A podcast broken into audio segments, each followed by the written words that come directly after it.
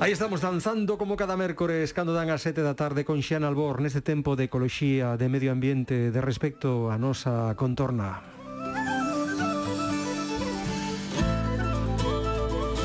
A calor xa está aquí, sí, vai e ben, ben e vai, xa sei que hai unha borrasca varias de camiño para os próximos días, pero con todo estamos na primavera e chegará o verán, con ela chegará a calor, coa calor da primavera tamén comezamos a ver cada día máis réptiles, segundo van saindo dos refuxios onde pasaban agochadiños os fríos do inverno.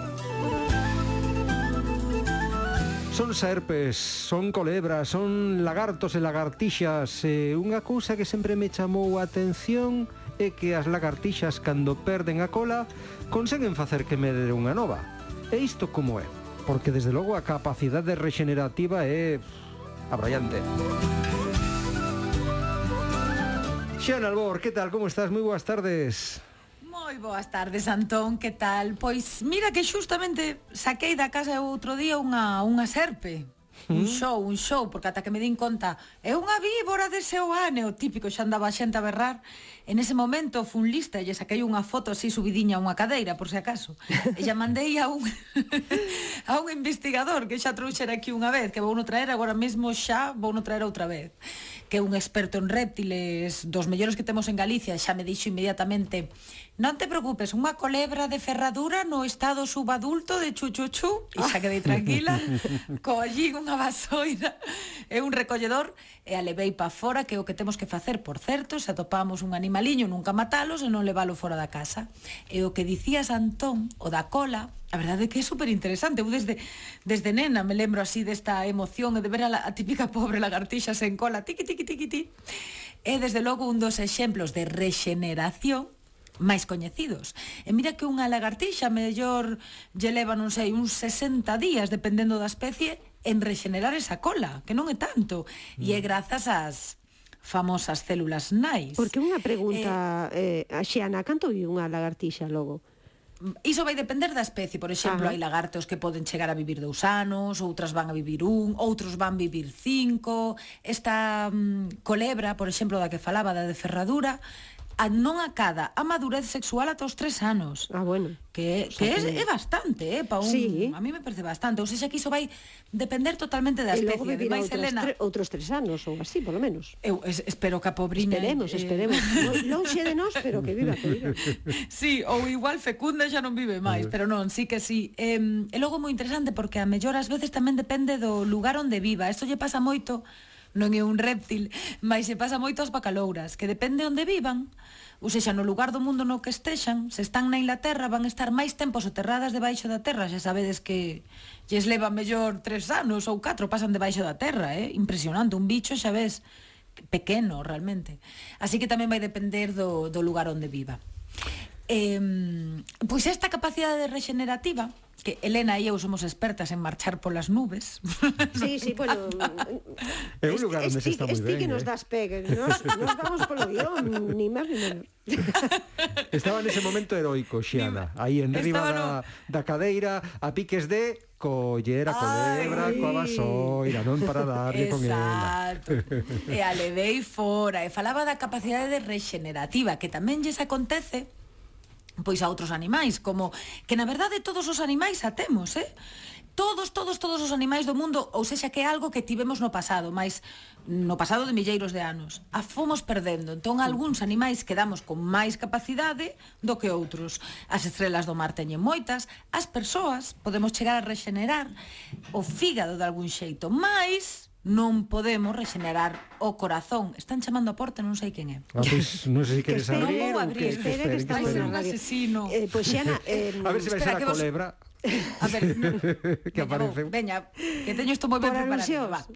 A ver, non podemos regenerar o corazón. Uh -huh. Por exemplo, logo dun infarto onde milleiros de células cardíacas morren para sempre, nos queda como unha cicatrice.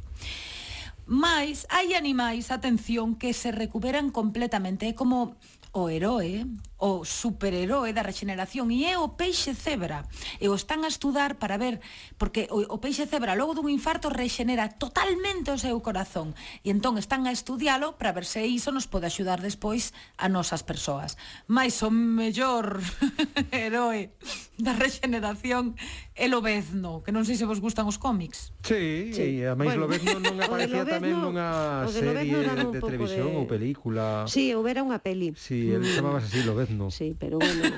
claro, é un, é un clásico. Sí. Eu quero dormir ver, ben, eh, sabes, que non me veñan imaxes á cabeza. Mm. É verdade, lo vez no para un ser un heroe, para outro ser un antiheroe. Claro. E xa acabei miña introducción. Bueno, heroica, heroica, xa que o, o pos así a... a, a eh, a tiro de pedra heroica e tamén a viticultura que se fai na Ribeira Sacra, ou non?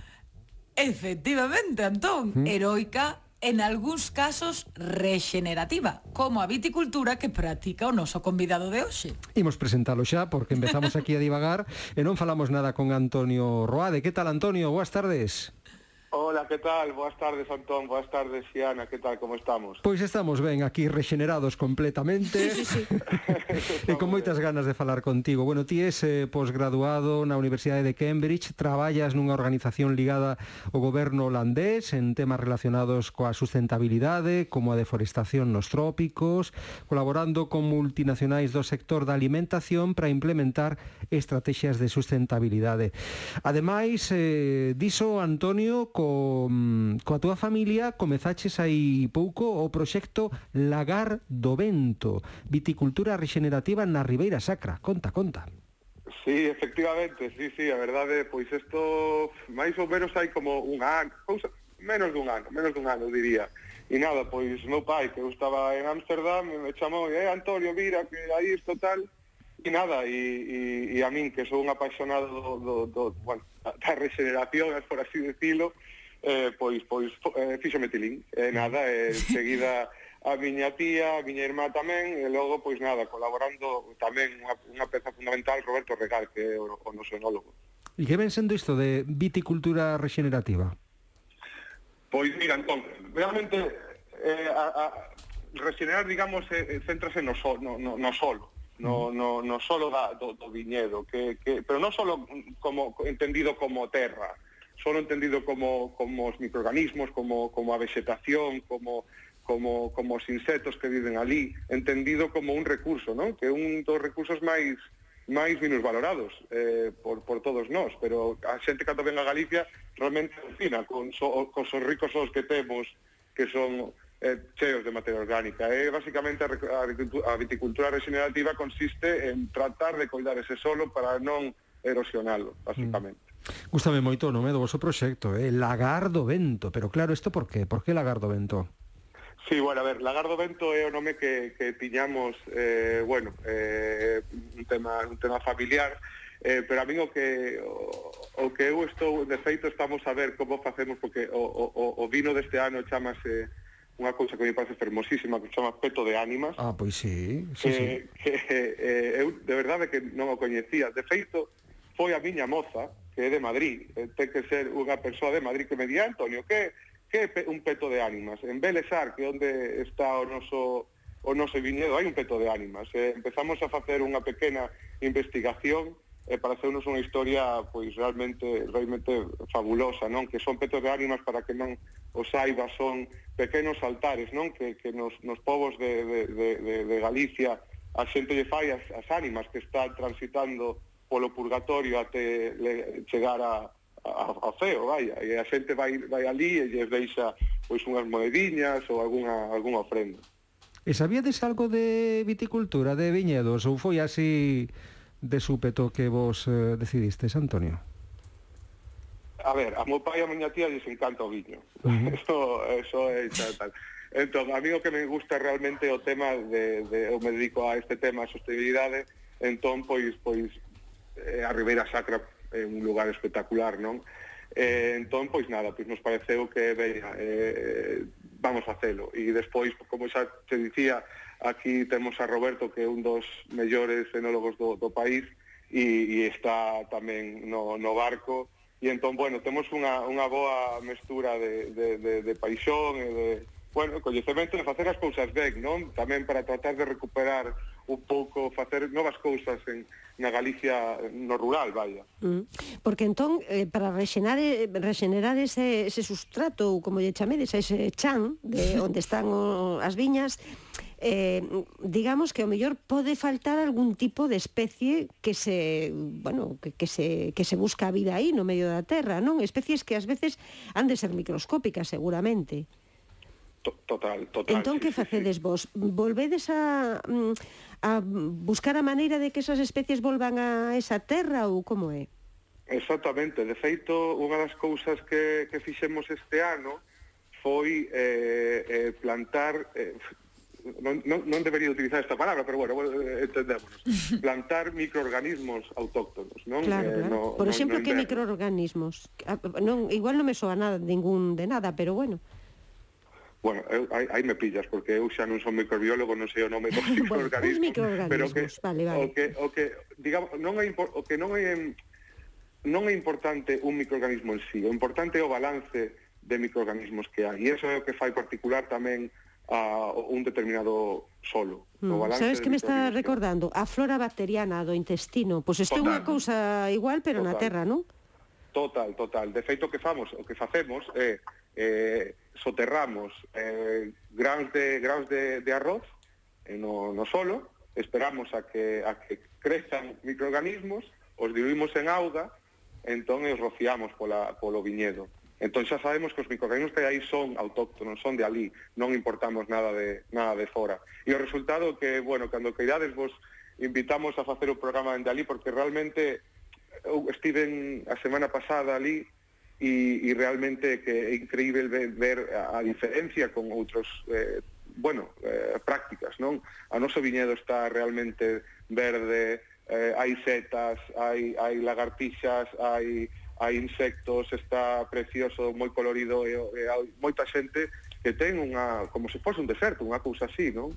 Entón, bueno, pois, a verdad é por, un, por unha parte de dicir que estive, bueno, é como moi contento, non? Pero por outra é como jo, de verdade, non se pode facer a cousa distinta.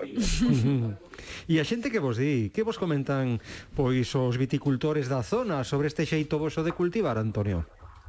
Bueno, a ver, Roberto é un, é un, é un eh, é unha persoa que, que xa ten el no seu modo de traballar el xa incorpora moitos eh, moitos, bueno, eh, conceptos e el, e el, digamos, está no seu na súa ética profesional, por así decirlo, non? O que pasa que a xente que lle preocupa que vai ser moito máis caro ou, ou que hai que poller moitísimo diñeiro para facer isto. Eh, entón, bueno, hai xente que é un pouco escéptica. Eh, o, o resultado é que non somos un dos únicos non? Eh, que está facendo que está facendo isto na Ribeira Sacra.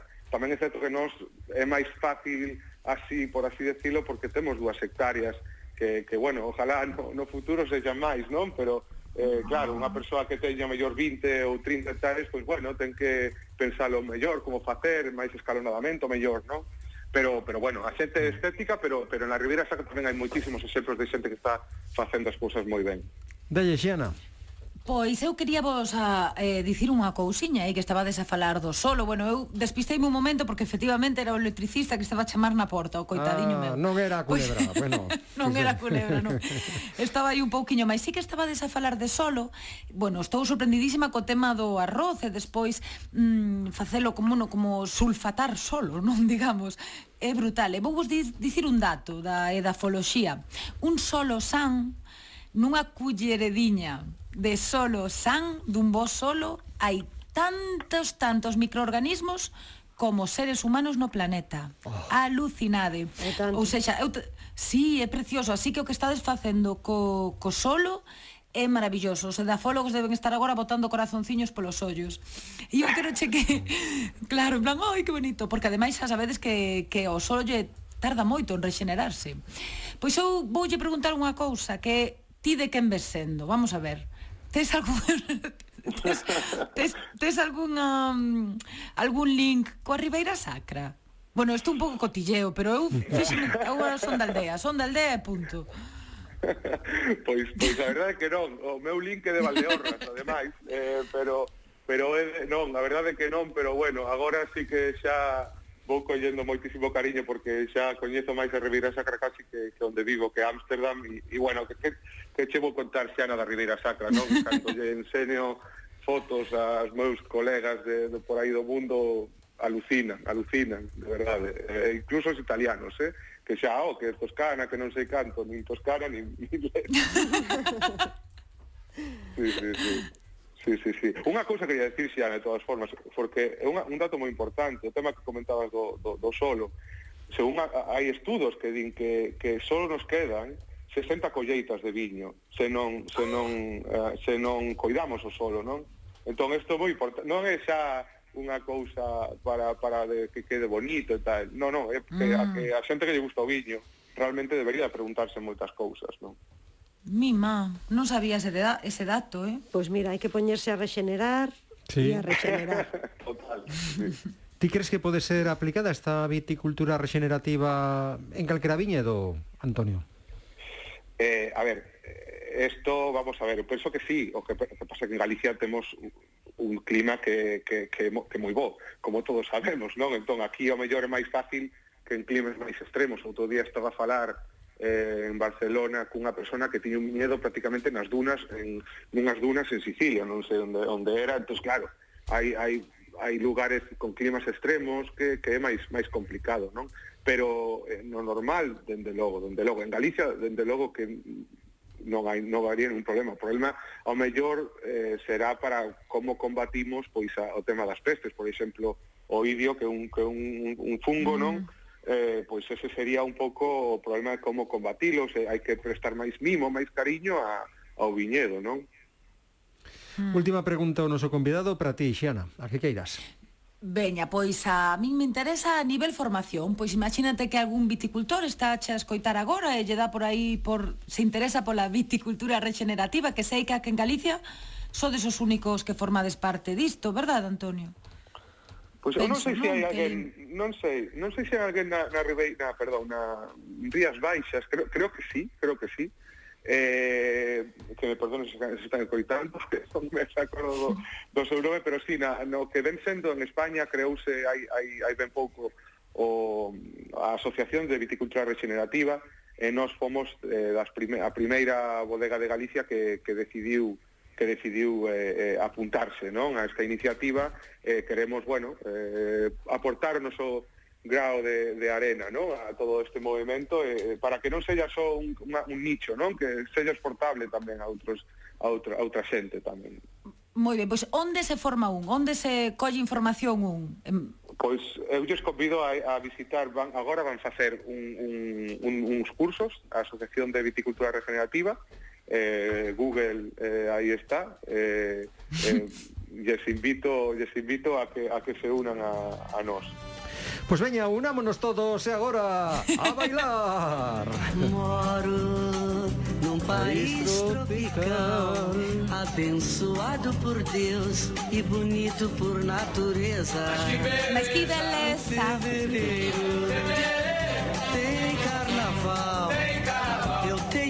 que un violão. Qué bonita canción, Moro, un país tropical de Jorge Ben. Con el así rematamos este tempo de colaboración. Xan Albor, moitísimas grazas. Vicos mil.